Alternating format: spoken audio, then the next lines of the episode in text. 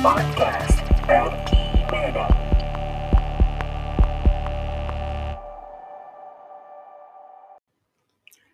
sahabat Perki Medan, di mana pun Anda berada, selamat datang di podcast Dokter Jantung yang diasuh oleh Perhimpunan Dokter Spesialis Kardiovaskular Indonesia atau Perki Cabang Medan.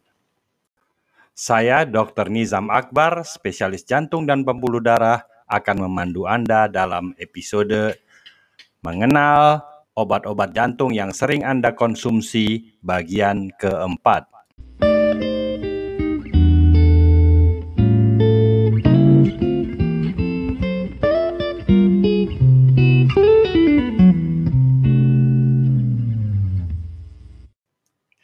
Para sahabat Perki Medan, dalam episode ini kita akan berbicara mengenai obat penurun kolesterol atau yang lebih dikenal dengan nama obat-obat statin. Lemak atau kolesterol adalah salah satu dari tiga bahan utama komponen di dalam makanan kita setelah karbohidrat dan protein.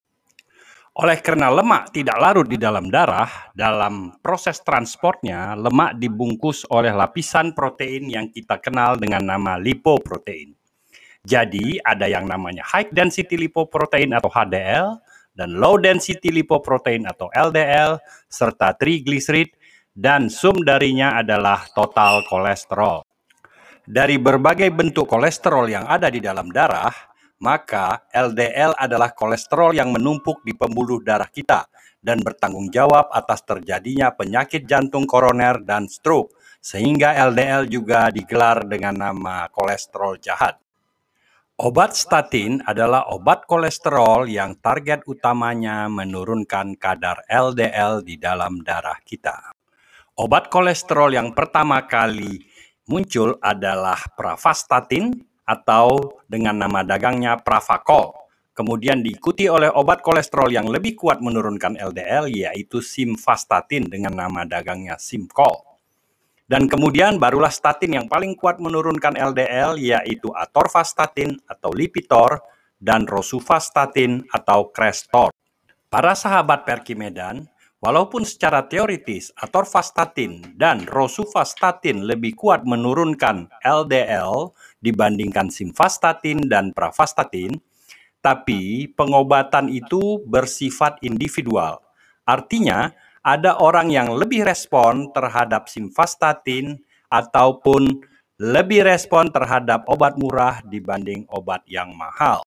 Dan kalau Anda berobat memakai BPJS, maka obat statin yang tersedia adalah simvastatin dan atorvastatin.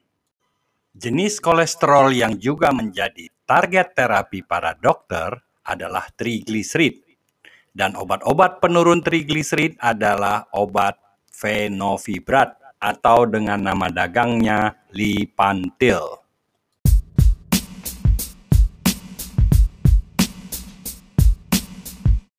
Para sahabat Perki Medan, obat statin ini diberikan dokter jantung kepada Anda untuk melakukan primary prevention atau pencegahan primer, yaitu menurunkan kadar kolesterol kepada seorang penderita yang sudah mempunyai faktor resiko, seperti misalnya hipertensi atau diabetes mellitus, agar tidak terjadi penyakit jantung koroner atau dalam bentuk secondary prevention atau pencegahan sekunder, yaitu pemberian obat-obat kolesterol untuk pasien yang sudah mengalami serangan jantung atau sudah dipasang stent atau ring jantung agar tidak terjadi kembali penyempitan di dalam arteri koroner.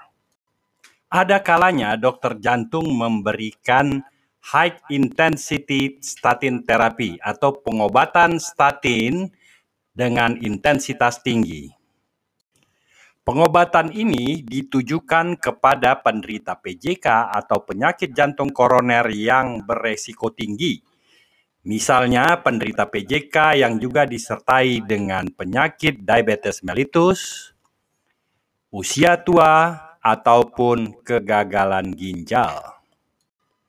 Di sini obat statin digabung dengan satu macam obat lagi yang namanya ezetimibe atau nama dagangnya ezetrol. Di pasaran saat ini ada gabungan dari kedua obat itu yaitu statin plus ezetimibe dengan nama dagang Vytorin. Sayangnya, obat ezetrol maupun Vytorin ini tidak tersedia di BPJS. Obat statin ini juga diberikan dokter kepada seseorang yang mendapat serangan jantung. Gunanya bukan untuk menurunkan kadar LDL kolesterol, tetapi adalah berguna untuk menstabilkan plak, jadi bersifat sebagai efek yang beyond lipid lowering.